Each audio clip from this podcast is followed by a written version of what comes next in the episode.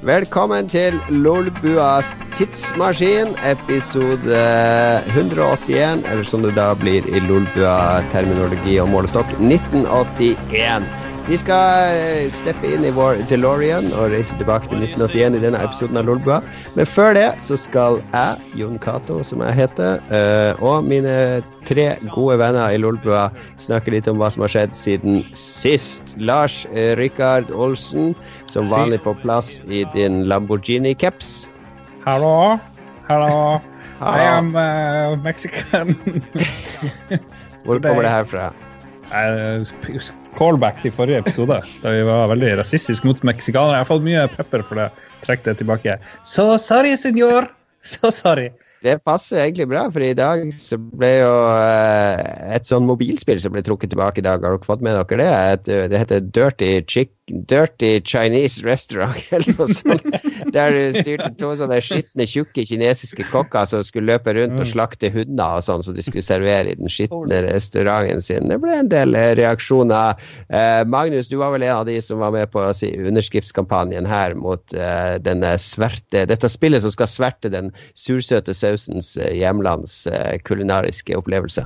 Ja, ehm, eh, artig at du skulle si det, for det, det er det jeg har gjort eh, hele helga mi i stedet for å spille spill.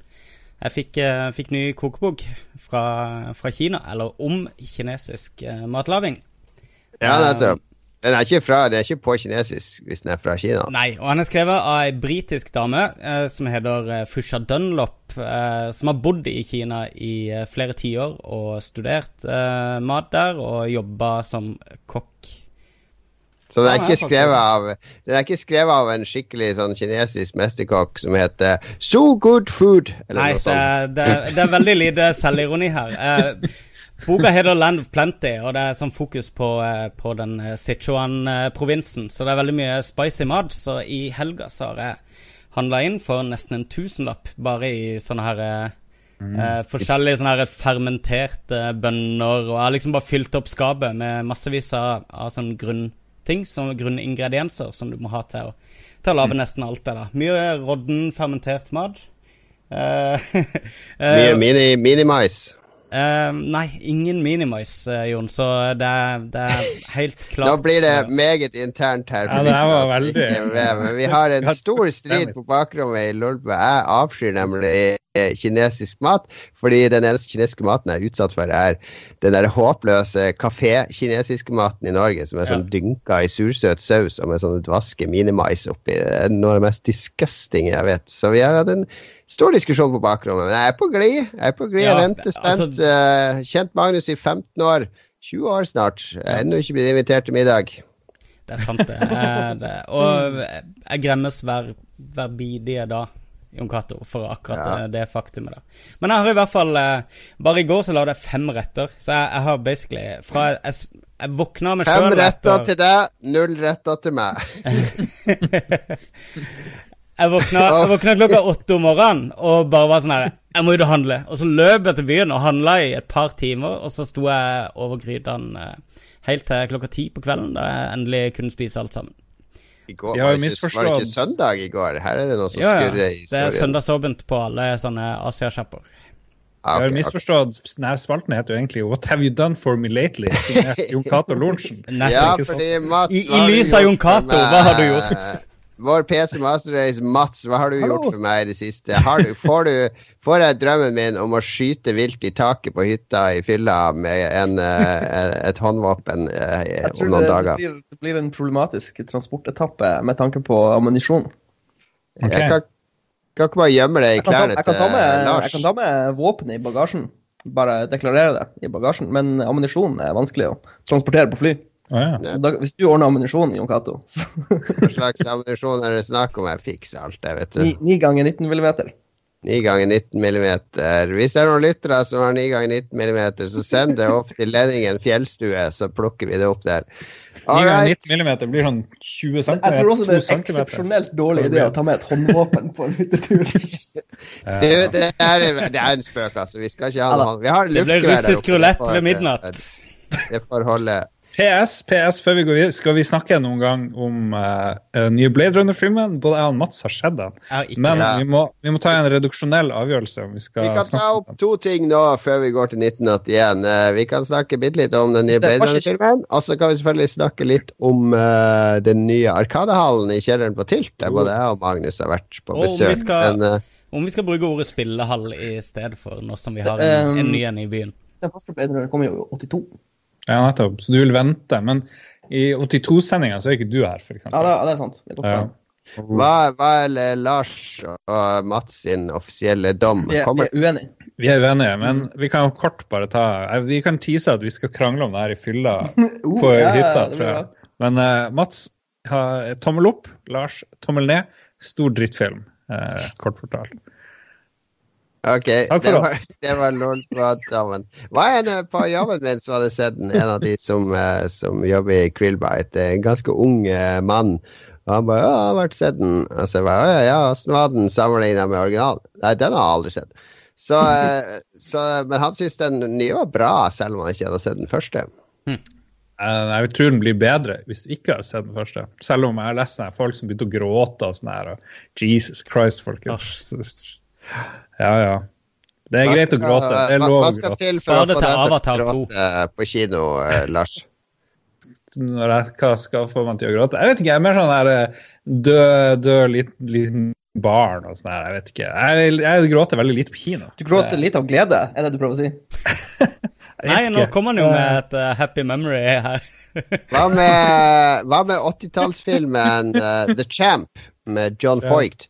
Der han er eh, Han passer på ungen sin, mora er død, og han er som bokser og gårdsgutt. Mm. Og skal ha en sånn siste kamp i ringen, og så får han sånn her megahjuling og blir slått så å si i hjel, og så står ungen attmed ham på slutten, og så ligger han der sånn Did we win? Did we win? Og sønnen på seks år må lyve til han mens han står der og griner. Yes, daddy, you won. Der, det er, den griner, jeg har grint til den filmen to ganger. En gang da jeg var tolv år, en gang da jeg var 40 år. Jeg er kjempesvak for sånn. Det er, det er er kjipt. eh, Det er, jeg, også jeg, jeg aner ikke hva det er. Jeg, tror, jeg, jeg skylder på min mor at det er genetisk. Fordi hun, hun griner av alt. Bare hun ser en brudekjole, så griner hun en time. Nei, hun gjør ikke det. Men det er stress. I hvert fall eh, når jeg var yngre, dro på dater og sånne ting, og dro på kino. så var det stress og liksom sånn Fuck. Nå kjenner jeg, nå renner det i tåre her. Uh, det var ikke Jeg må, jeg må være på sånn her, eh, jeg må være på sånn barneforestilling på sånn her uh, eh, Men det kulturskolegreier. er barn i dag, Lars. Da, da, da, kan jeg, da kan jeg bli litt rørt. Men jeg klarer ikke sånn, sånn. Ja. Ja, ja. Det er noe, barn? Det er overskrifta på ukens sending. Det er bare barneeksempler i dag. gråter av barn. Det høres ikke helt sunt ut, men uh, ja, ja. Det får nå være som det er. Jeg sover jo ganske dårlig om nettene. Det her er litt relatert. Uh, Jeg sover så lite, bare sånn seks timer, klarer ikke å sove mer og vrir meg av så mye ting som skal ordnes og ting som skal planlegges. Og det sa min svigerfar til meg. Ja, ja, da vet du at du ikke er psykopat. For en psykopat kan ha drept 40 mennesker og sove som en stein i tolv timer uten, uten å ha et fnugg av samvittighet. Så, så det, det kan lønne seg å være i kontakt med følelsene sine. Og da puster du letta ut. Da kan jeg slå den, den eh, tanken fra meg. Eh, tilt, Magnus. Vi Ja. var der nede på onsdag. Jeg vet ikke om du kom deg ned dit på fredag òg? Nei, jeg gjorde ikke det. Jeg drev fremdeles og hela eh, levra mi på fredag. Så det nye på Tilt nå er jo at uh, man kommer inn, så er det en diger trapp som snurrer rundt, går ned i en kjeller som var tidligere et dansestudio. Og når du trer inn der, så er det litt dempa belysning, en bar til høyre, så står du oppå en sånn her uh, veranda nesten, der du ser ned på tre shuffleboards og et amfiteater. Og under verandaen langs veggen, eller både oppå og under, så står det lina opp gamle arkademaskiner er det vel 20-25 arkademaskiner der, kanskje, eh, som Ja. står rundt hjørnet der. Og ifølge Kjell så har de vel en 60 maskiner på bakrommet. Så tanken er at de skal rullere utvalget hele tida. At hver gang du går ned dit, så er det én og to maskiner bytta ut med, med andre ting. Eh, Eh, så veldig lekkert ut. Veldig veldig flott, eh, stilfullt innreda. Minner litt om Akersmik Akersgata med de metallgjerdene og sånn, Ja. for de som husker det stedet. Stål og betong. Stål og betong. Eh, men eh, koselig belysning. Eh, litt sånn bakrom med biljardbord og eh, tapet. Mangler kanskje litt sittegruppe. Eh, altså, Det er vel noe som skal komme, men de hadde åpningsfester, så det var litt Ja. mer mennesker enn naturlig der. Men det er liksom en hyllest til eh, spillehallkulturen. Ja. altså den gode delen av spillehallkulturen, ikke den der du sneipa sigaretten i sida på kabinettet, eller svidde det med lighteren for å være tøff, eller tagga det ned. Ja, det er litt sånn alterfølelse over, eh, over stedet. Det er nok det. Sånn se, men ikke røre-følelse til tider, syns jeg en del av de spilleautomatene i hvert fall. At de er ikke nødvendigvis bare der fordi de er gøye å spille, men det er litt mer fordi de passer inn i kontekst av liksom åssen en gammel spillehall skal se ut. Ja, men det er, det er jo ekte kabinetter og ekte kort. Det er ikke noe sånn emuleringsgjalla. Eh, Det er ikke noe er Hongkong-produserte originale. kopier. Så det er jo det som gjør, gir litt sånn ærbødig følelse, i hvert fall for oss som er opptatt av spillhistorie. Absolutt. Hva dere prøvde av de her greiene? Eh, jeg prøvde det hockey De har jo sånn analogt hockeyspill. Det er så de Stiga-hockeyspillene fra 80-tallet basert på de Alle hadde jo et sånn Stiga-hockeyspill hjemme der du styrer sånne spillere med stenger, så du kan rotere og dytte. Så skal du dytte den pucken i mål. Og de er jo egentlig basert på sånne kvadratiske hockeyspill. Eh, som de hadde i på barer i USA, eh, som er mye mer robust og litt annen kontroll, men eh, det er veldig kult. Ellers har jeg prøvd de fleste av de maskinene før, men eh, sønnen min jeg hadde, fikk jo ha med Thomas på 16, for han er jo venn av Kjell, han som eier alle maskinene, så han prøvde litt Donkey Kong Junior og Kung Fu Master og noen andre klassikere. Eh, og for dere lyttere som er litt skeptiske, episode 200 skal antakelig spilles inn der. Med gratis skjetonger og eh, 600 kroner inngang. Nei da, det blir det ikke. Men uh, da, da får dere i hvert fall anledning. Men stikk innom før den tid, for guds skyld. Cannonball. Cannonball. Cannonball. It's not what you do, it's how you do. Be anything you wanna be. Not what you got, it's how you use it. You be you and I'll be me, it's just a matter of style. You can't fake it, mile after mile, feeling free. If you got the soul, you can make it. Move 'em out. let Let 'em roll from sea to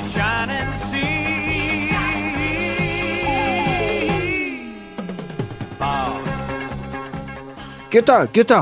Jeg setter spektralstein i her. Hvor er vi havna, Lars? Hvilket årstall er det? Nå er vi, skal vi se, Kjøp en avis. Mm, 1981, Jon Cato. 1981, mine damer og herrer. Den amerikanske skuespilleren Ronald Reagan har akkurat blitt innsatt som presidents... Eh, ikke president, men president. Mens det engelske folket jubler over giftermålet mellom prinsen av Wales og lady Diana. Romprogrammet står fortsatt sterkt. Det er tross alt kald krig. Da gjelder det å vise mest muskler i rommet. Og den første romferga Colombia får æren av å skytes opp. 1981 var også et ekstremt voldelig år. Vi tenker at det er så voldelig og turbulent i verden nå, men 1981 hadde en haug med terrorangrep, militærkupp, opptøyer og flykapringer. Det var også et år med mange attentat. Reagan ble skutt i brystet bare måneder etter innsettelsen. Johannes Paul 2. ble forsøkt drept på Petersplassen, og en mann i London fyrte av seks løsskudd mot dronning Elisabeth. Presidenten i Bangladesh, Irans president, Irans statsminister og Egypts president ble alle drept i attentater.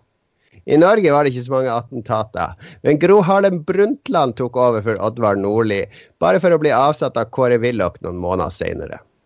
Sportsmessig dessverre ingen seier for Start i år. Det ble Vålerenga som tok ligaen i Norge, mens Liverpool seira i England. Bra oppsummert. Yes, det er 1981. Det er nå året for alvor, tiåret for alvor begynner, føler jeg. 1980 var et litt sånn eh, startskudd, eh, mens i 81 så begynner tiåret å ta form. Du har liksom Reagan, og du har Eh, vold og terror var jo noe som prega store deler av 70-tallet og et stykke inn på 80-tallet. Og Spesielt flykapringer husker jeg godt fra jeg var ung. At fly ble jo kapra hele tida. Det var sykt mye flykapring på eh, den tida der. Men det var, det var, litt, det var litt annen type flykapring. De, Ja, da fløy de jo målet- flyet en ja. plass og ville ha noen penger eller løslatt noen folk eller Det var liksom, det var ikke det var ikke Fly meg til Gran Canaria! Du er lei av det drittværet! Fly til Gran Canaria Ja, nå! det var jo Det var sånn koselige flykapring. Ja, men det var mye dyrere å fly på den tida òg, må vi huske. Så det var liksom Kanskje man ble følte seg tvunget til det. ja, ja. Folk ville ha mer eh, value for pengene, mener du? At eh, når de Mm. først skulle betale denne billetten, kunne de like godt bruke, bruke anledninga Ja. til å sikre seg en Men kosta det ikke helt syke summer å dra på bare charterferie før i tida? Du måtte liksom Det var mye dyrere, ja. Men jeg er usikker på hva en liksom, billett til Syden kosta. Min mor, eh, min mor jobba i SAS på den tida, Mm. så, eh, så vi reiste på ganske kule ferier eh, hvert eneste år. Jeg har vært i USA en million ganger, og På tide å skryte igjen. Ja. På tide å skryte igjen. Ja, men Det er ikke så skrytete, egentlig. Men hele grunnen til det var at vi, pga. på grunn av at hun jobba i SAS, så kunne vi reise på sjanse. Altså Hver gang det var ledige plasser på fly, så fikk vi de. Så vi kunne reise hvor vi ville. Um, Vet, uh, hvis, uh, hvis dere hadde betalt som alle andre, så hadde reisene blitt litt billigere for oss andre. Ja, faktisk. Hæ? Godt Men poeng. problemet Ja, for det hadde vært lik pris for alle. Hvis det var Eller Mm. Hæ? Det var tomme seter. som Tomme ligger seter. det var tomme Det seter. kunne vært fullt fylt av billigere billetter, og det mor di Ja. sa. Og trodd på en løgn. Men problemet for oss som kom fra nord, var jo at å fly med SAS, som hadde monopol Mm. mellom uh, Harstad, Narvik, Lufthavn, eller Evenes, som den het da, Var det ikke og Oslo. det? Bråtens uh, kom etter hvert, men uh, SAS hadde monopol i mange år. Mm. Fly fra Harstad til Oslo, for så å fly videre på charterferie til Syden. Da var flyturen til Oslo dyrere enn turen fra Oslo Mm. ned til Spania. Ja. Så for nordlendinger så ble det jo dobbelt så uaktuelt å dra på disse feriene. Da måtte du være millionær hvis du skulle komme deg på, på chartertur. Så det er typisk diskriminering fra SAS. La oss sende våre ansatte til USA ti-tolv ganger i året, mens nordlendingene kan fryse. Du, du forstår fremdeles ikke dette konseptet med tomme seter, skjønner jeg. Tomme seter, tom Sannheten interesserer meg ikke. Nei. Janne Karlsson, Janne Karlsson må, må gå av. Han gikk vel av etter hvert. Men, uh, men uh, ja, er det noe mer eh, fra nyhetsåret vi trenger å diskutere? Ja, Reagan ble skutt, gjorde han ikke det? Senere det året. Ja, det ble nevnt. Ja, han ble skutt i brystet. eh, Han hadde vel på seg skuddsikker vest, eller så hadde han bare Han var jo en tøffing. Så Var det, var det ikke en av livvaktene Sånn, sine som tok ei kule foran også? Jeg mener å huske det, at eh, det var ei livvakt i hvert fall som eh, Det er de trent for. Men skal se nå, hvis noen prøver å skyte Trump, så er det livvakta springer i alle retninger. Trump foran seg. Nei, det var stygt sagt. Nå kommer vi på den lista til CIA, eller Da kan vi bare glemme å fly til USA igjen, i hvert fall. Hvis du ser på livvakta, Hvis du ser på livvakten til Trump, så har alle sånn T-skjorte med sånn her kvart sirkel på hver av dem. Så hvis de står rundt han rett, så er han midt i sånn sikte. De har sånne T-skjorter med, med, med, med sånn pil på 'I'm with stupid', som alltid mot Trump. Ok, det var nok eh, pappahumor for denne gang. Eh, Jeg slipper eh, elegant nyhetsspalten inn i neste spalte, fordi en nyhet jeg ikke tok med, var nemlig at musikkanalen MTV dukka opp i 1981. Ja. Ai, ai, ai. Og det bringer oss over på musikkåret 1981. Ikke på TV-året, nei. Hvis du er eh, med på eh, sendeskjemaet, så ser de Ja, ja. ja, musikk og TV. Vi, tar det videre. Du ødela du broa videre. det går Det er den slankeste spalta, TV? Det er jo en TV-kanal.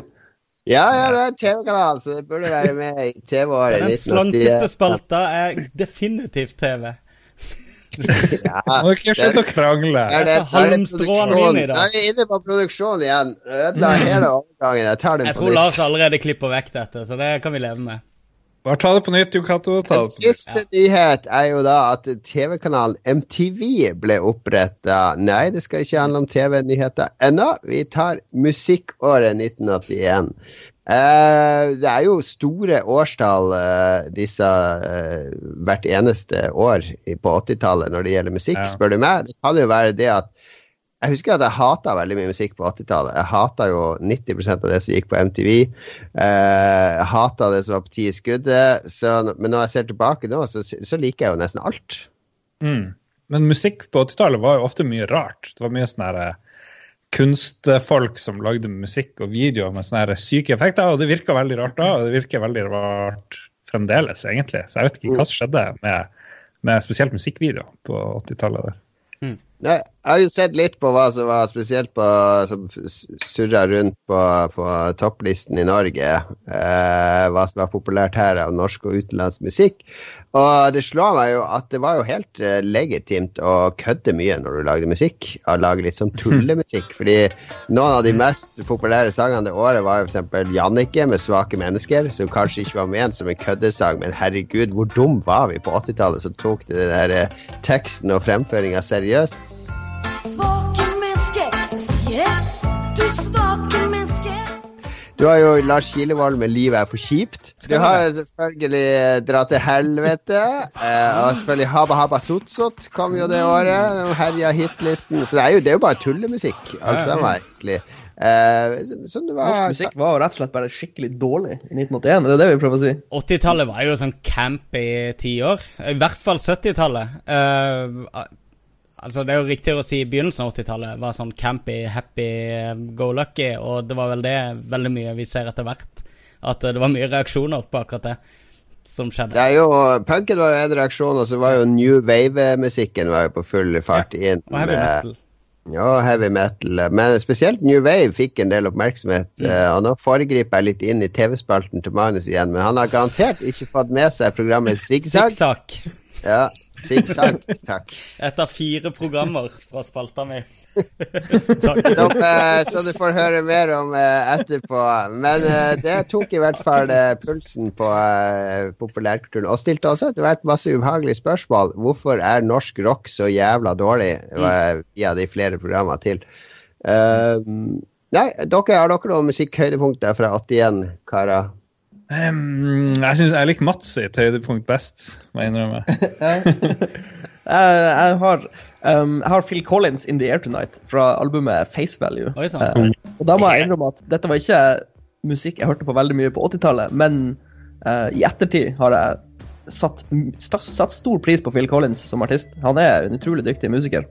Phil Collins, også- og, og hele den plata definerte jo lyden Ja, av 80-tallet er sin popmusikk. Uh, det, er- det er sånn reverb-effekt på trommen og sånne ting. Som ble sånn, det er masse på den plata som ble sånn standard for sounden av 80-tallet.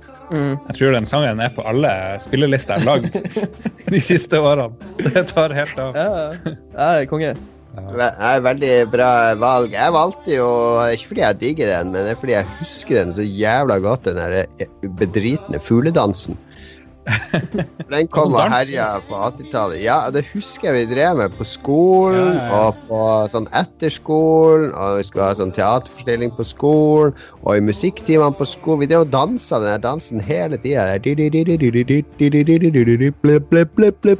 det noe spill som brukte noen bit-versjon av den?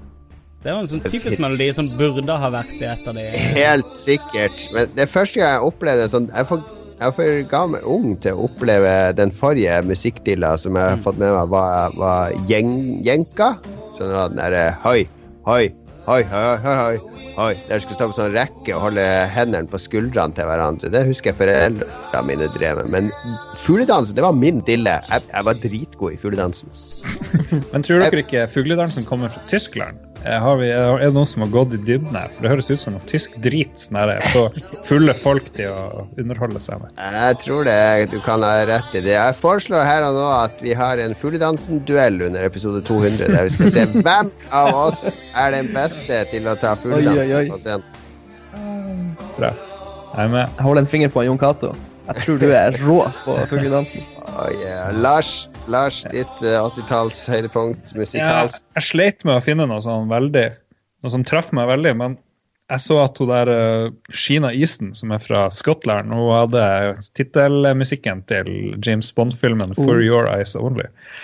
Og Jeg vet ikke helt hvorfor jeg plukka opp det, men det fordi jeg fant ut Hun var jævlig stor. da, Hun solgte 20 millioner plater og greier. Hun var på Billboard med fem sanger sånn etter hverandre og dit og datt. Ei dame jeg aldri hadde hørt om, så derfor ble jeg litt sånn nysgjerrig. Men den der første musikkvideoen jeg fant på YouTube, der er jo veldig søt, så jeg skjønner jo at hun og at jeg kanskje i bakhodet husker hvorfor jeg var liten. Et eller annet, muligens. I don't know. Ikke noen Liten crush. Ja, bare sånn Bare vekk den og gi meg. Eh, Jeg husker ikke den Bond-låten i det hele tatt. Kan du ta noen strofer? For your eyes only can see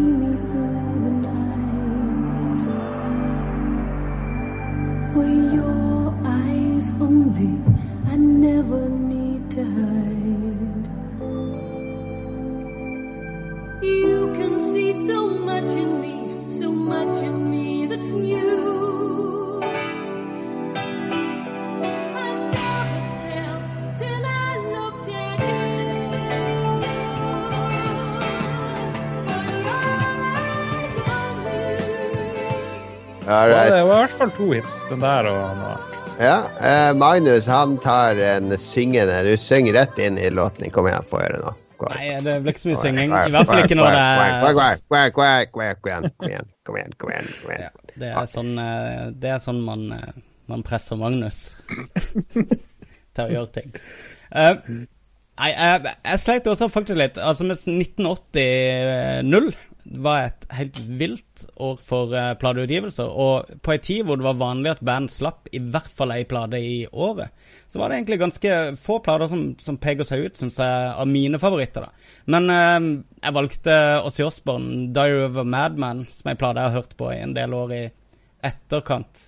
Um, men uh, som sagt, eh, skuffende få, eh, få plater som liksom sånn Som står som klassikere for meg i etterkant. Mm. Skuffende år for Magnus, altså. Eh, vi avslutter som vanlig musikkdelen med å mimre Melodi Grand Prix. Det var jo noe sånn drit fra Storbritannia som vant den internasjonale finalen. Bucks Fizz eller et eller annet sånt. Norske bidraget derimot hører du bak meg nå. Gode gamle Finn Kalvik med 'Aldri i livet, min venn'.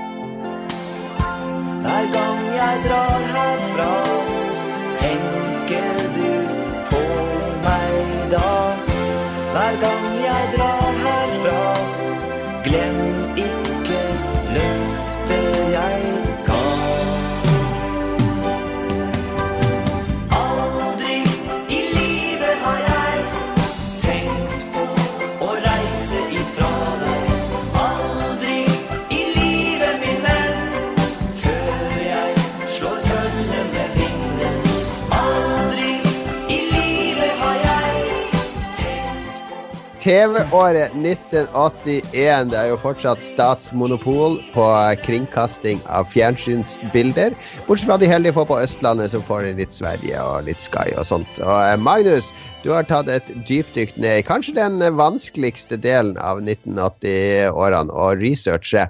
Hva slags TV-programmer herja skjermen? Hva flokka vi oss rundt? Ja, for det, det var jo eh, Det var mye egenprodusert som dominerte på NRK på den tida. Det var veldig mye fjernsynsteater eh, som, eh, som folk på vår alder helt sikkert husker med, med vekslende kjærlighet. Um, Grøss og gru. Hver tirsdag. Uff. Uff. Husker, finsk fjernsynsteater, det var et uttrykk for uh, lyttere. Det, Ja, det vet ikke dere, men Åh, det var det dårligste det gikk an å få av TV. Det var finsk fjernsynsteater. Men det var noen veldig få høydepunkter. Nå har jo Cato nevnt halvparten av de fire høydepunktene det året. For det Han har funnet andre fint. steder.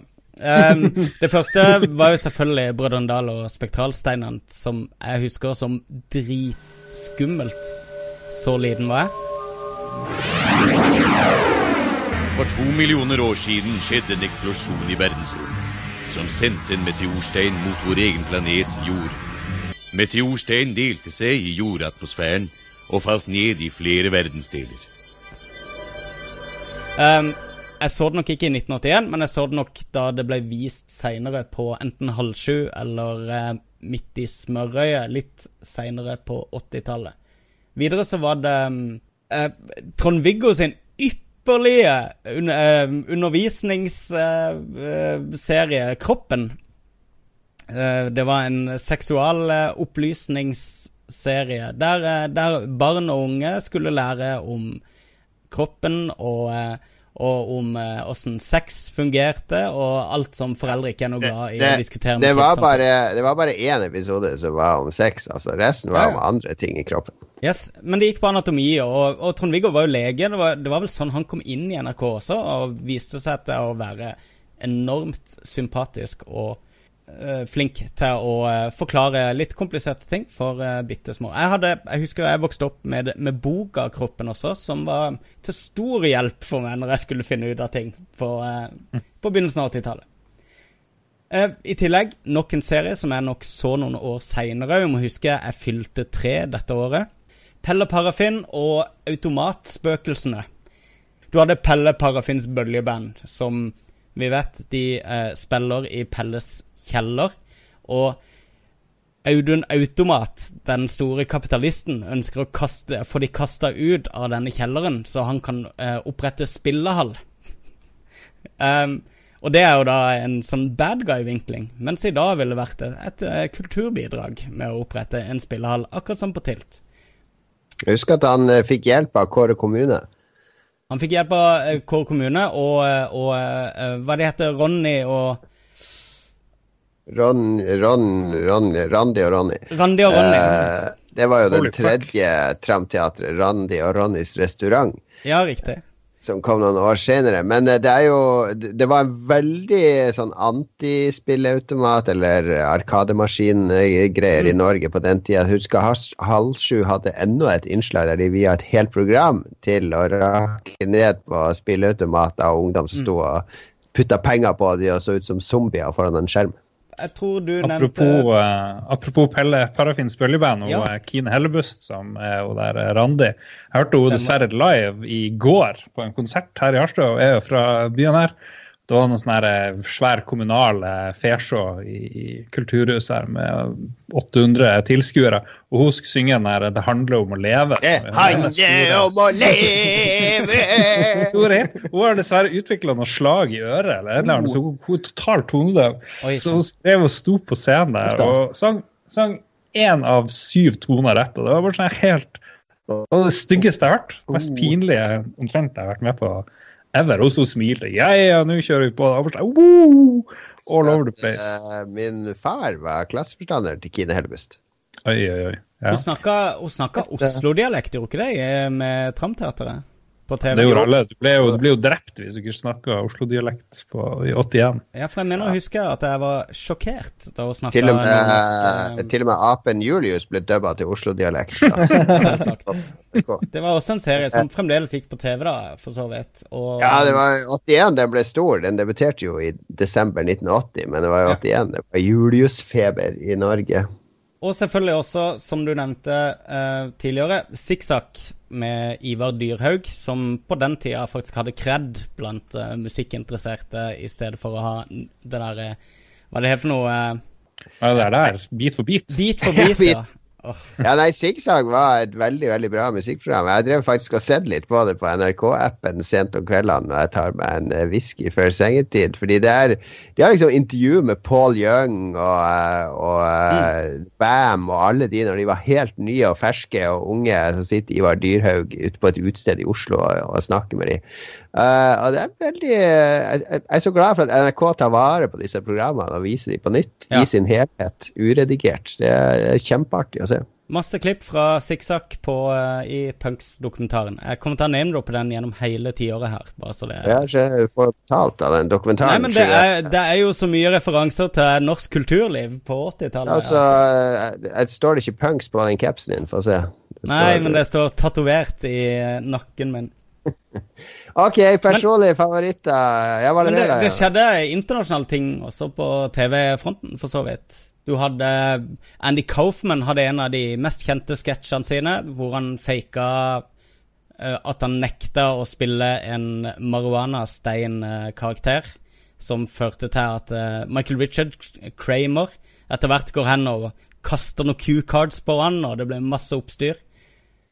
Lars, hva var din favorittting på TV i 81? Eh, Var det, satt du og, og ble litt varm i skrittet av kroppen med Trond-Viggo?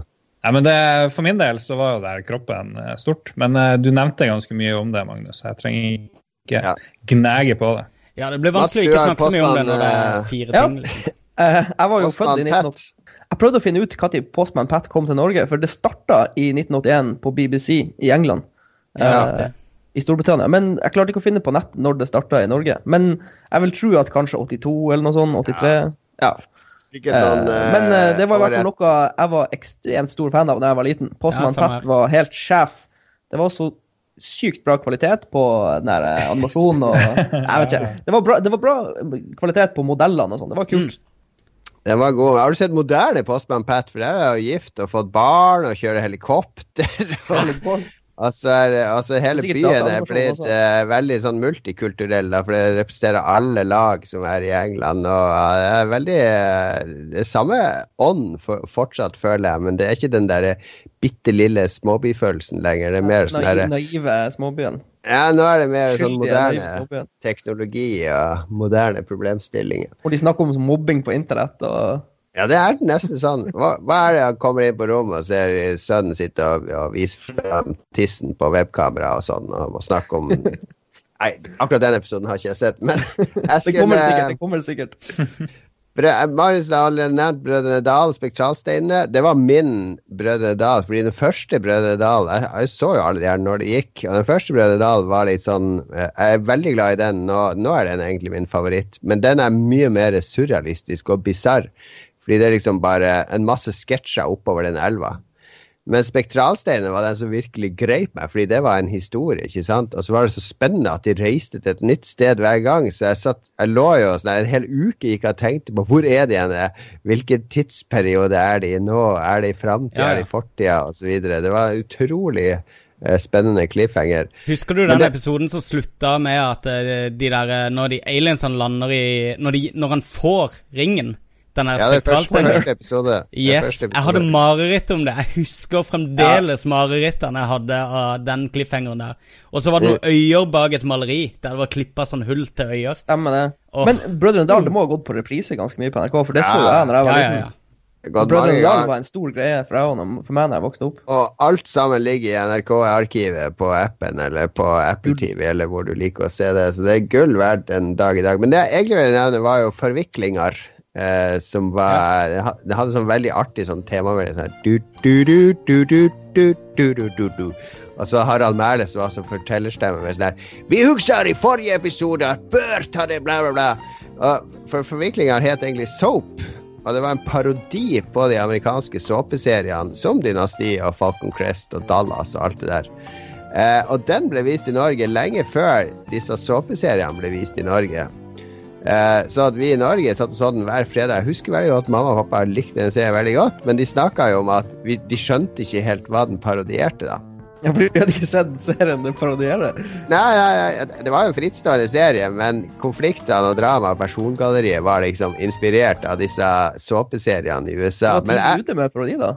Ja, og eh, det var mange kjente med det. Billy Crystal og, og mange andre. Jeg husker spesielt en som var, var som buktaler, som alltid hadde sånn dukke. Han var eneste grunn til at jeg så på det, for jeg syntes ikke det var morsomt i det hele tatt. Og så hadde de en sånn der eh, svart butler som tror jeg fikk sin egen spin-off-serie, som var sånn skikkelig syrlig og sarkastisk mot de her hvite, rike eierne sine. Og det var Det var mye, mye rart. Men han der med buktalerdukka, han husker jeg som jeg, så, jeg satt og pinte meg gjennom den serien bare for å se han, for han syntes jeg var verdens kuleste. Jeg drømte om å bli buktaler. Så jeg drev og øvde Oh, meg du Dodger ei kule der, Jon Cato. Ja, takk og pris. prop comedy. Nå har jeg fått meg en levende muppet i Magnus, som jeg kan stå bare hånda bak på ryggen, så tror alle at jeg er buktaler.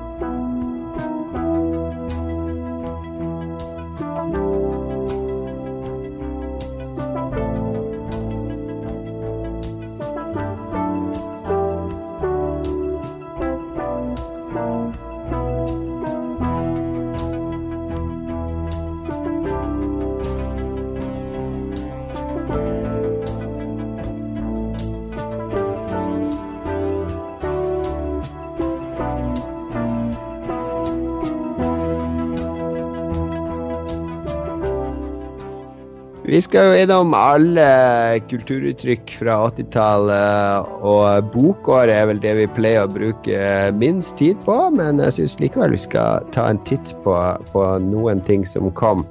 Eh, for min del så husker jeg ganske godt eh, at det kom eh, en, to bøker som heter en som heter Hotel New Hampshire, som jeg leste i ettertid, men som var gigasvær det året. Også en krim eh, fra Russland, eller foregår i, i Sovjet, som heter Gorky Park. Som vel også ble filmatisert og var megastore. Og, Ikke minst det russiske bandet Gorky Park med Bang.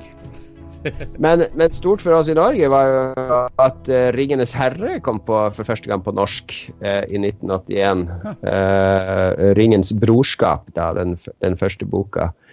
Uh, til sist, quiz til uh, dere, kjære medprogramledere. Hva er den norske tittelen på Stephen King-boka 'Cujo', som kom i 1981? En boka om den gale hund, hund med rabies. Hjelp, vi har fått bikkje. Ja. Hunden med rabies. Hund til besvær. Nesten, nesten. Den heter Faresonen! Faresonen. Selvsagt. OK. The Danger Nice. Har dere, har dere noen favoritter fra 81? Eh, Litteraturfavoritter?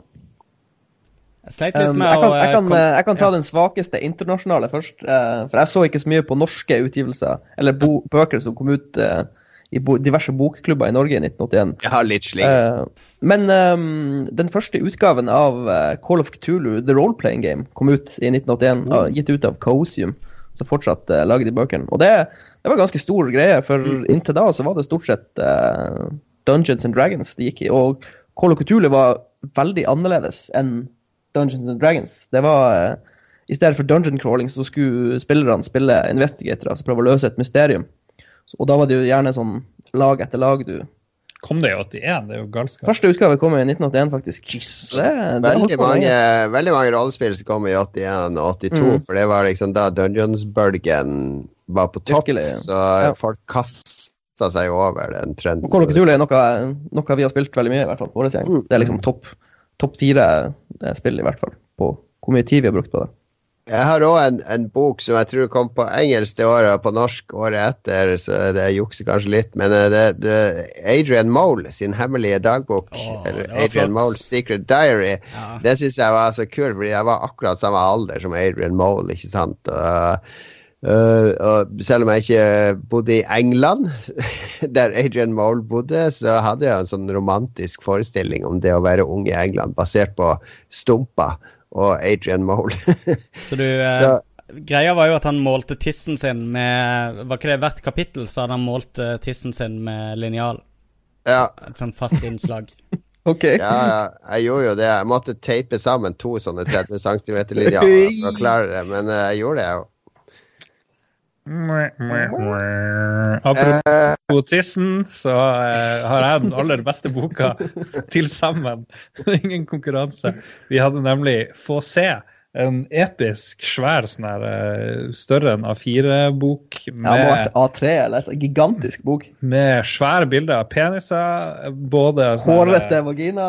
hårete vagina og barnepeniser. Litt sånn her eh, mystisk. Litt som barneporno. Er det barneporno? Er det seksualundervisning? Ja. Nei, det er bare 70-tallet som endelig Nobody kom cares. ut. Ble gitt ut i Norge med boka Få se. Seksualundervisning i bilder for barn og foreldre av Will McBride. Her er spørsmålet, da. Leste Ja. du den sammen med foreldrene dine? Er du gal? De, er jo, de, vil, de gjorde Det er jo akkurat det jeg ville for barn og foreldre. tilgjengelig. Ja, For men barn jeg vil, eh, foreldre. De slengte han bare ut nede. ikke sant? Det her kommer ungene til å kikke på. De tar seg av. Jeg har aldri fått noe tale om seksualitet i det hele tatt fra mine foreldre. Takket være den boka der. Nei, ikke i det hele tatt. Så det, den boka der var bare så awesome. Så der fikk jeg liksom eh, alt, alt jeg trengte, var, var der. Eh, Har, har du ikke hatt eh, sextalken med foreldrene? Ikke du heller, Mats? Nei, faktisk ikke. Det er sånne ting i Nord-Norge, tror jeg. Ja, det var skam, skam og Foreldrene mine sendte meg ned hit, Ja. og ja, og så fikk jeg også se Jeg tror de samarbeida, hele Ja, nabolaget. Ja. Joint Magnus sa du er is på Sørlandet så er det vel en nøye tradisjon med dette. vi, vi, ble, vi hadde sånne samtaler med våre foreldre. Jeg jeg har hatt en sånn fin dialog med foreldrene mine hele oppveksten. Så, så akkurat der eh, ingen mangler. Og pluss eh, kroppen, som også var med og løsna opp litt eh, samtaletemaer de kan å spørre om og sånne ting. Det er en bra idé Ja. å utsette barna sine for sånt. Jeg tror det, jeg tror det er mer normalt. Jeg husker også at min mor snakka så vidt. Det jeg husker hun sa, var da jeg begynte å bli litt stor i kroppen, var at du måtte huske å trekke tilbake forhuden og vaske bak der. Og vaske kukosten. Hun brukte var- ikke det ordet, da, men det er bare det Å, herre, herregud, mamma. Ja, du ser jo her, de to som har fått litt seksualveiledning fra foreldrene, eh, de har jo nå dame, begge to. Og så Ja, sitter de to single der som har måttet klare seg sjøl.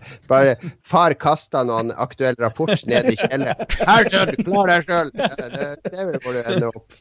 Magnus, du har tatt en perle av en bok som uh, i hvert fall alle oss har opplevd i filmform, om vi ikke har sett boka. ja, for det, når jeg ikke prata om sex med foreldrene mine i min uh, spede barndom, så, uh, så leste de høyt for meg. Jeg har uh, Mamma og de var dritflinke på å lese alt av barnelitteratur og eh, gamle folkeeventyr og alt sånt der, men eh, spesielt sånn Roald Dahl og Astrid Lindgren har jeg tette forhold til. I 1981 så kom boka Ronja Røverdatter. Som nettopp eh, filmen eh, befesta jo posisjonen for den boka i, for all fremtid. Men jeg, hadde, jeg tror jeg allerede hadde blitt lest boka for før jeg fikk sett den filmen. Fantastisk bok. Eh, en eh, sånn klassisk eh, Romeo og Julie-historie mellom eh, to røverfamilier. Og jeg trenger vel strengt tatt ikke fortelle plottet til Ronja Røverdatter, folkens. Det er vel noe som de fleste kjenner til. Eh, Hun hopper over en sånn stor sprekk på et tidspunkt. En sånn Jeg var så er fascinert av hele den ideen der. Og så var jeg så fascinert av det eh, Hvorfor de ikke kunne De kunne ikke snakke sammen, eller de ikke kan ha kontakt med hverandre pga. en sånn hundrevis av år gammel feid som ingen husker hva var for noe.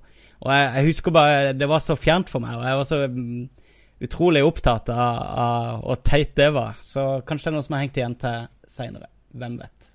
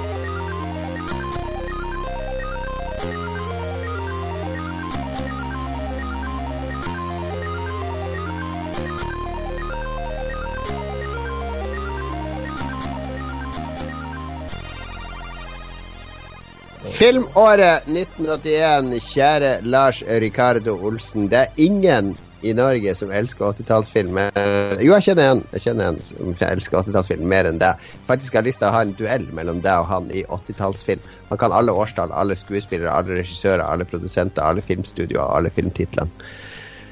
Men du, du, du har sett på filmåret 1981. Det var vel høydepunktene sto i kø, kan jeg tenke meg? Ja, det er spesielt de norske der. Det er fire, spesielt fire ting jeg vil trekke frem fra norsk film. Olsenmannen gir seg aldri, hvor de skal ta over Sten og Strøm. Primavera går ut uten en rød tråd. En mesterverk på sånn 40 minutter, tror jeg, som jeg aldri har sett. Sikkert veldig bra. Og så to store dokumentarfilmer som gjorde seg gjeldende i 81. Det var 'Seileren', dokumentarfilm om Finnmarks nest største øy. Og en som Jeg måtte bare nevne fordi navnet var så bra. 'Prognose Innerdalen'. Veldig merkelig. 'Prognose Innerdalen'. Neddemning av en seterdal mellom Hedmark og Sør-Trøndelag. Mye rare ting. Det var veldig lite å nevne i 81. av norsk Utlandet rett Lars, ja. du sier Sten og Strøm. Tenker du på den banken som lå der tidligere? Jeg vet ikke. Jeg bare nevner Sten og Strøm. Olsenbanen skulle over. De, de var lei av cash, de ville gå inn i eiendom og diverse, og da var det Sten og Strøm. Det var et sånt kjøpesenter, Ja, men det fins jo ennå. Men eh, det er en bank rett ved siden av der, der Outland ligger nå. Skal vi se, Fra utlandet så gjør Tom Cruise sin skuespillerdebut. Tidenes største skuespiller. Kommer først frem i Endless Love. Thomas Mapother the third? Fourth? Fourth? Fourth? Et eller annet sånt. Noe sånt. Magisk. Uh, Chariots of Fire vinner Oscar. Vangelis har også musikk der. Ellers tror jeg ikke jeg har sett den. der, Chariots of Fire. Har du ikke? Det er sånn her joggefilm. Ja, En OL-aktig om Harvard-film. sportsgreier. Ellers så har vi en lang liste av greier, og så trodde jeg at det var veldig mye sånn her sjangerfilm. Eh, for eksempel, du kommer og får American Werewolf in London, du får noe som heter Dragon Slayer. En sånn her voksen fantasyfilm som jeg aldri har sett, som jeg fikk lyst til å se. For det var fra Disney, sånn voksen fantasy, som gjorde at de laga det her Touchstone Pictures, som er sånn Disney sitt voksenmerke. Er det basert på Eh, spillene? Nominert til Oscar og greier, og alt mulig. Glemt film. Har det noe med spillet å gjøre? New York. Ingen peiling. Escape from New York, John Carpenter, Evil Dead, Excalibur, Halloween, Heavy Metal, eller Halloween 2, da. Howling, Mad Max 2 osv. Masse sånn sjangergreier. Mm. Så trodde jeg faen, eh, 81 er sånn sjangerfilmåret. Men så så jeg hva som har tjent mest penger i 2017, og det er liksom frem til nummer 40, så er det nesten bare sånn her eh, War of the Planet of the Apes og Kong Skull Island og Pirates of the Caribbean. Vi har jo bare sånn, den typen filmer som, som begynte å bli stor eh, på den tida der. Det er kun det vi har eh, nå hos oss. Mm. Så ja, sånn er det. Og skal vi skylde på Escape from Nei, hva det heter det? Raiders of the Lost Ark med det. Jeg skrev Escape from Lost Ark. Raiders. Skal Ja. skylde på Raiders. Jeg skylder på Raiders, fordi de er, eller det var jo blant de her eventyrfilmene som, som virkelig eh, erobra kinosalene, eh, spesielt i 81. Tjente dobbelt så mye penger som alle andre. Eh, det var jo en Spillberg Spielberg og Lucas-greie inspirert av sånne serials fra 30- og 40-tallet som var litt spennende å lese om. Sånne ukentlige kortfilmer som avslutta med en cliffhanger. Tvang ungene til å komme tilbake uka etter for å se hva som skjedde i kinosalen. Og det er jo literally mye cliffhangers i uh, Indiana Jones-filmene, blant annet. Uhu. Som vel også I hvert fall, eh, de vil legge i hvert fall inn at det er sånn her er det åpning for en oppfølger. på en måte. At alle som ser filmen, tenker ja, det kommer en til. Jo, men jeg vil si at hver scene òg nesten Ja. er, har cliffhangere. ikke sant? Det er Ja. veldig mye sånt, og det var jo sånn i Star Wars. Og sånn, ja. I løpet av filmen, tenker jeg. ja. Eh, Cannibal Run, masse. Mye awesome. Awesome år 81, og det skal jo bare bli bedre senere. -hmm. uh, en av mine favorites, Cannibal Run. Og, jeg vet ikke. Det er så mye bra. Jeg klarer ikke å, å eh, skjære ned til noe sånt spesielt. Jeg drar sjøl frem den der Raiders of the Lost Ark, men jeg vet ikke. Scanners. Er ikke Dere har. Jeg har, eh, ja, du har Carpenter og Cronenberg har jo begge filma i Mm. 81. Jeg kan snakke litt om Escape from New York. Ja. Introduksjon av eh, Kurt Russell, som spiller Snake Plisken. Uh, det er så bra. Eh, Manhattan er, det er sånn dystopisk sci- sci-fi eh, med mye bra musikk som Carpenter lagd. Mye Ja. sunt. Eh, Manhattan er helt most og blir dumt til sånn eh, slags fengsel. Eh, de har bare bygd en sånn stor mur rundt Manhattan, Mm. og så kaster de bare alle kjeltringene inn på Manhattan. Og så krasjer flyet til presidenten. Det er det første som skjer i filmen. da. Det er ikke noen stor spoiler. Så må han Snake Plisken inn og hente presidenten. Oh, yeah. Find the president, bring him out in 24 hours, and you're a free man. 24 hours, huh? I'm making you an offer. Bullshit. Straight, just like I said. I'll think about it. No time. Give me an answer. Get a new president. We're still at war, Pliskin. We need him alive. I don't give a fuck about your war. Or your president. Uh, utrolig bra film. Yeah. Veldig uh, anbefales. Burde ses. Magnus. Ja, jeg plukka den beste Madmax-filmen, syns jeg. Jeg er ikke så glad i Fury okay. Road som alle andre. Jo, den er ganske kul. Men uh, Madmax 2, The Road Warrior, som han også ble kalt, um, er vel den Madmax-filmen jeg i hvert fall har sett flest ganger, og som jeg har forbinder med Madmax. Det er der de kommer til det derre Han Alt handler om bensin, ikke sant? Det gjør det jo i alle filmene. Men det, han kommer til den her store campen med eh, folk som har slått seg sammen og er blitt et sånn her bensinimperie. Og Mel Gibson trenger bensin og legger seg ut med de. En dødsfet eh, film fremdeles. Det er ikke så mange år siden sist jeg så den. Jeg mener å huske den fremdeles holdt seg ganske greit. En fun fact om bensin. Vet du at uh, det fordamper på få år, så at det slutter å virke? Hæ? Altså, bensin fordamper ikke, men det, de stoffene det blir sånn kjemisk Hvis bensin ligger lagra i mer enn to-tre år, så blir det sånn kjemisk reaksjon i bensin, så at uh, de fordamper, de stoffene. Men hvis det holdes tett i en tank, liksom Jeg tror det skjer uansett. Skjer uansett. Så eh, det var en sånn eh, nerd-artikkel som bare påpekte at alle disse postapokalyptiske filmene der de kjemper om bensin, Ja. det er helt urealistisk! Og så retter han på det, det, er derfor, sine. eh, det er derfor med Fury Road er bra, for da slåss de om vann. Og det vil jeg si jeg blir en verdifull ressurs når Vann slutter også å virke etter, eh, etter bare noen timer, har jeg hørt. De kjører er sånn el elbilene sine gjennom ørkenen og leter etter vann. Det er langt mer realistisk. Ok, Eh, Jon Cato, du har sett det var en pornofilm du anbefaler, ser det ut som. Nei, det er du som har porno på hjernen. Du har porno anbefalt i, i 70-80% av spaltene her. Jeg har sett uh, Jeg vil dra fram Evil Dead. Eh, Sam Ramy og Bruce Campbell sin uh, debutfilm. Det er den første Eh, her. Det er den første, ja. Det er jo Evil Dead 2 som mange holder er opp som den eh, kuleste, men den er jo mer en slapstick-komedie. Du har slapstick i en eller annen, men den er mye mer ond. Den er mye mer eh, B-film. Mye mer uh, Evil Dead 2 er liksom en remake av Evil Dead 1 med humor. Ja. Så jeg, jeg liker Evil Dead 1 best. Den er, det er mye, det er mye mer nasty, de der uh, kvinnfolkene som blir de gale demonsombier etter hvert. Eh, den har mye eklere scener, og det er mye mer kompromissløs. Toeren er også genial, for all del. Evil Dead 1 og 2 er jo ganske forskjellige filmer. For på ena så er de på den hytta, og det er mer horror. Mens to er det jo ganske mye komedie, involvert, vil jeg si. Ja, Med stop jo- motion-skjeletter og It's a trick. treeren er var jo en ren komedie, mens uh, toeren så det var, Som du sier, Jon Cato, det var jo en slags remake av eneren fordi eneren var dritt. Så remaka de han med litt mer glimt i øyet. Men så lagde de treeren, som var en ren komedie. Men det er, det er lov å like den, den andre også, altså. Ja, ja, men takk for det. Takk for Vær så god.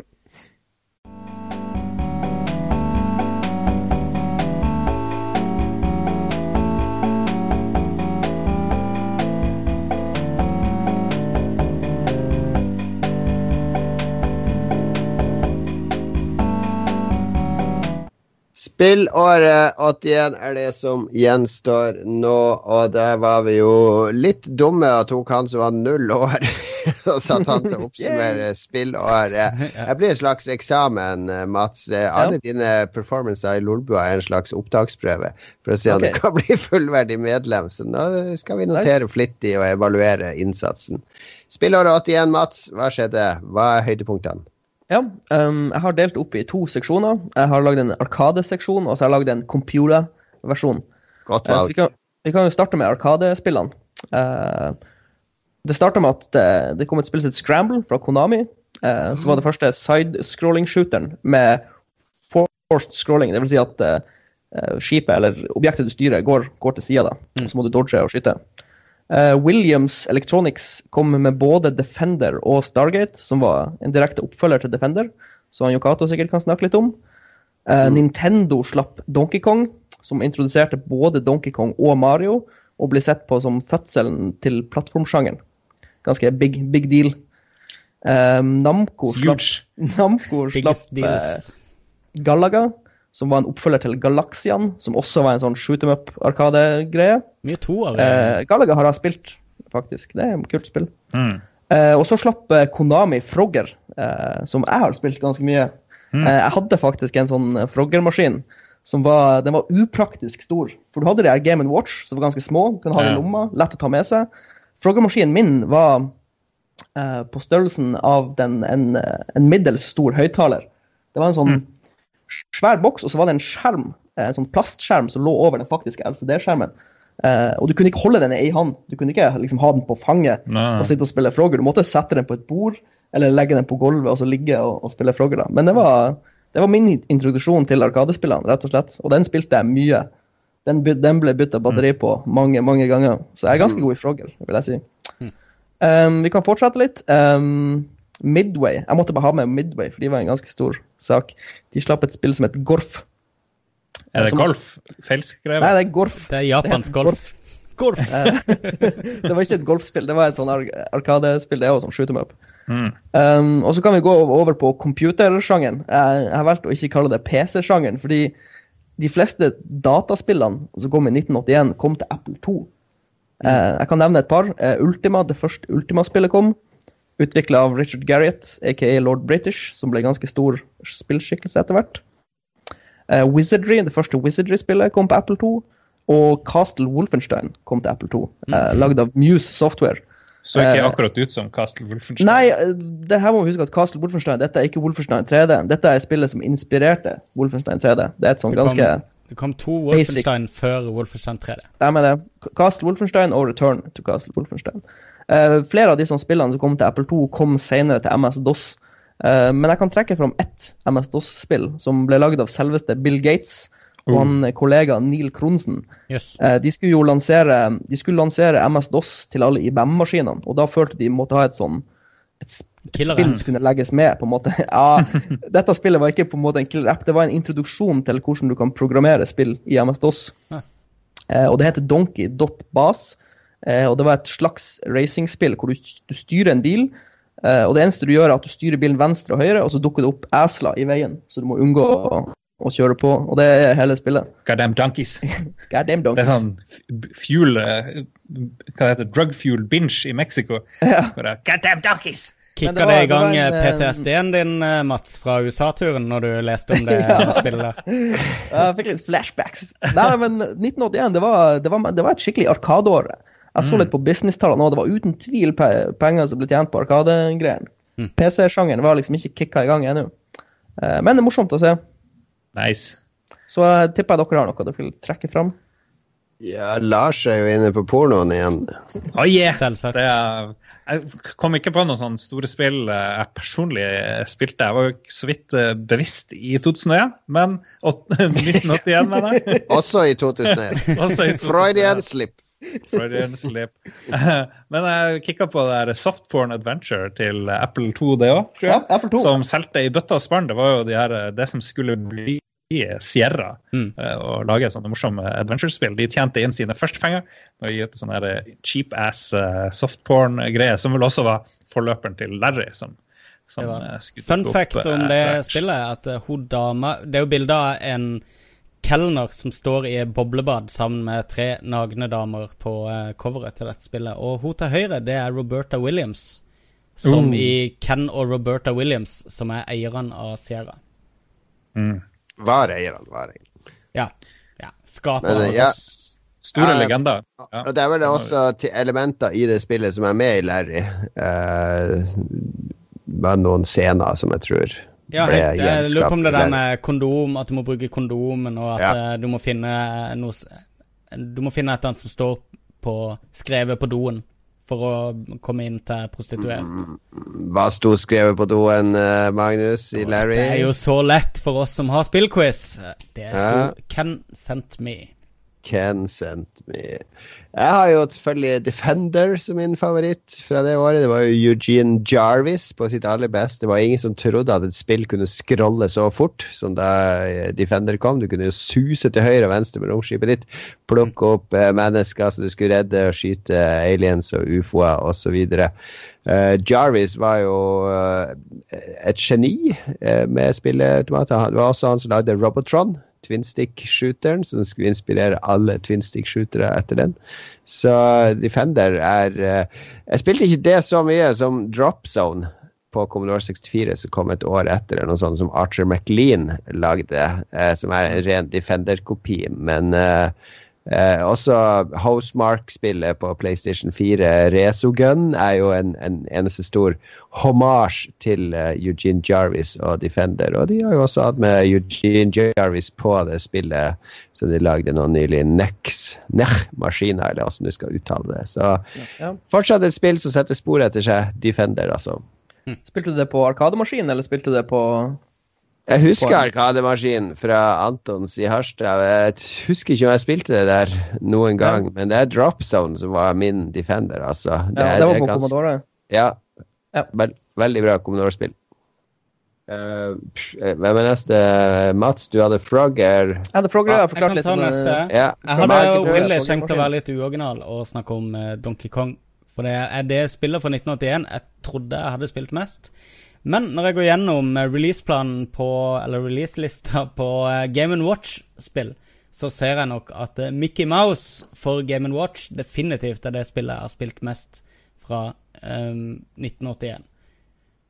Artig, super eh, enkelt eh, spill som jeg brukte helt idiotisk mye tid på.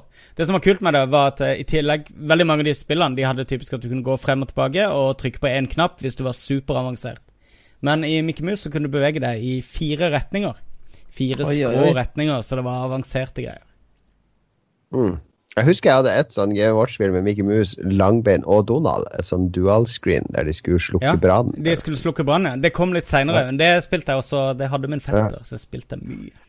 Moro, Ja. moro, moro. Det var et bra det, det er fortsatt sånn at de spillårene er i Det er sånn i, i sånn ebbinga før noe stort skal skje. Ja, det er, en forsiktig start, rett og slett. Det er ikke liksom ikke, Flommen har ikke kommet ennå. Det er bare sånn trickle. Sånn fin trickle. Det er noen fine småperler, men det er ikke noe sånn super I, I crazy ennå. 82 så kommer de til å åpne den floodgaten, og det begynner å renne litt sånn Ja. forsiktig inn. Og så i 83, da, fra da og utover, da begynner det å bli ekstremt vanskelig for meg i hvert fall å plukke favoritter. Men uh, morsom, uh, morsomt å se hvor røttene er, altså.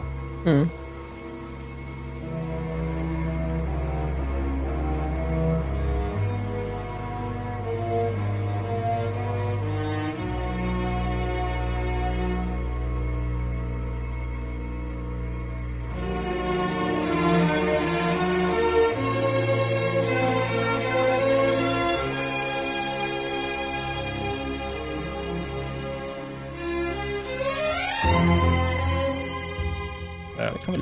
Vi ja. Vi, eh, slipper til eh, lytterne her på slutten, eh, Lars. Som vanlig så er de fleste ennå ikke født, men eh, det forhindrer de jo ikke fra å mimre. Ja, eh, Torbjørn Praus Skau, en av våre mer utdanna lyttere, han eh, peker på at i 1981, fordi vi spurte hva er det beste og, verste, beste og verste med 81 Mauritania avskaffa slaveri. Uff da. Eh, Frankrike avskaffa dødsstraff. Eh, fire år etter siste giljotinering i 1977. Eh, Albert Speer dør. Og han var arkitekten til Hitler, tror jeg. Han var sånn betongekspert. Spir Bra Han var- eller Han var, ekstremt, han var ekstremt dyktig til å lage Ja. Ble ikke han Ja. tatt til fange i Israel? Eller han ble i hvert fall dømt i Israel. Var ikke det en sånn ting med Spir? Ingen vet, ingen vet. Ingen vet hvordan Han Ja, hadde i hvert fall de planene for Berlin. Altså, Alle forbereder fem minutter med Albert Speer. Nevn en Hitler-fyr i Lolbua, og det går ti minutter. ja, men de arkitektplanene han hadde for Berlin, var sinnssyke. Det er sånn Donald Trump eh, lett kan finne på å gjøre i Washington etter hvert. Speer det var arkitekt, men han var ganske naiv, så jeg tror ikke, jeg tror ikke det er han du tenker på med Israel og sånn. Det er mer eh, Det var langt verre folk som de jakta på. Han døde vel i London, tror jeg, Speer. OK. Både, okay. Ja. Eh, Noe som utelukkende var bra med 81, var at Raiders of the Lost Ark kom, og første DeLorean ble whoop. DeLorean er jo Ville vi hatt Ville Back to the Future vært like kul Uten, uten DeLorean. DeLorean? Jeg sier nei. Nei. Nei. Nope-do. Nope. Ja. Da kan Mats Ja. ta neste bidrag. Isak eh, P. Pedersen. Eh, han sier at det verste må jo være at det ennå var 16 år til han kom til verden. han er en av de. Og så sier han også at det beste må jo være at det bare var 16 år til han kom til verden. Takk til deg, Isak. Isak, du er for ung til å høre på det her. Finn noe, finn noe sånn uh, Prebz og Dennis eller noe. Det er mer eh. Jens Arthur er vår gode venn. Uh, Cannonball Run, Motherfuckers, kanskje verdens beste film. Roger Moore i rollen som en fanatisk James Bond-cosplayer. Jackie Chan som Subaru Driver number two. Oh Ja, yeah. det er en fin film, da. Ja, bra. Det er en god film. Yeah. mye, mye gøy der. Magnus, lydeksperten. Sorry, jeg har eh, bare satt opp en del ting her. Hvem eh, var det jeg skulle lese opp? Det var Håkon Puntervold. Ja, det var det. Ja. Ja. Um, vi nevnte jo uh, fredag den 13. forrige gang, så da passer det jo å nevne fredag den 13. 2, som kom i 1981. Um, det var ikke før denne filmen at Jason dukka opp som morder. Ja. Uh, første så var det mora hans som var Ja, drapskvinnen. det er Ja, typisk det er. sånn der uh, filmquiz, uh, filmquiz Ja, ja. lurespørsmål. Ja, Hva, ja, ja. hva heter morderen i fredag den 13.? Ja, mora til Jason. Yes. Vår venn Morgan Slang sier at 81 var åra han begynte på skolen. Og med ett innså han at neste gang han hadde fri 24-7, var pensjonisttilværelsen et nådeløst slag i trynet på en syvåring som hadde klatremus som sin største helt og forbilde. Det er morsomt. Det var ingenting positivt med 81 der, Det altså. er litt morsomt. Jeg hadde også, jeg hadde også en sånn synkende følelse da jeg begynte på skolen. Jeg innså at oi, nå er- starter liksom alvoret. eller? Det var, det, var litt, det var en sånn ekkel følelse. Og jeg elsker det. Kurt Arle Strømmen, Frogger Porkis og Das Båt. Uh, bømmer. Første tilfelle av aids ble oppdaga. Ja, bømmer og bømmer.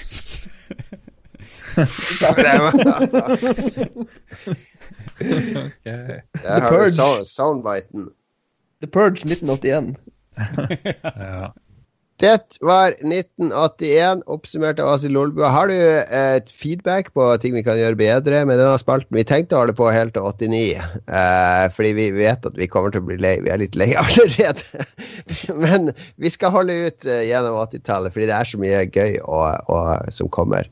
Har du feedback, så send det til oss på Facebook. Vi har en nettside der. Eh, vi har også en side lolbua.no. Det skjer ikke så stort mye der, men eh, besøk oss på Facebook, eller er du hardcore-fan? Meld deg inn i Lolbua Entourage, eh, den lukka gruppa på Facebook. Der er alle interndiskusjoner og den harde kjernen. Eh, spiller du Destiny eller andre spill, eh, fortrinnsvis Destiny 2, så meld deg inn i Lolbua-klanen på, på eh, Facebook, for der kan du være med på raid og andre ting. Snapchat Nå ble det en veldig dårlig avslutning. Vi, eh, vi avslutter 1981 der. Ha det bra. Høres igjen neste uke eller neste år.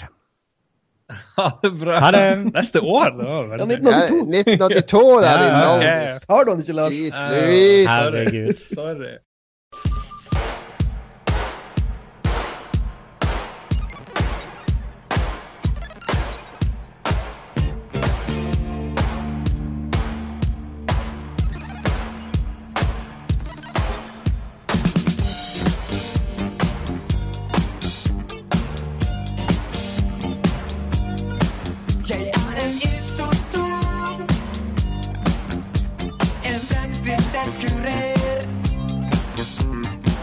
Fra mørkets republikk.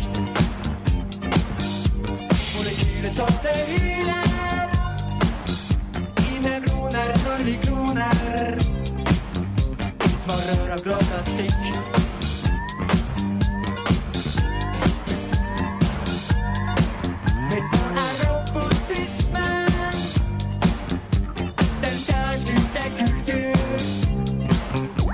Apatien er mitt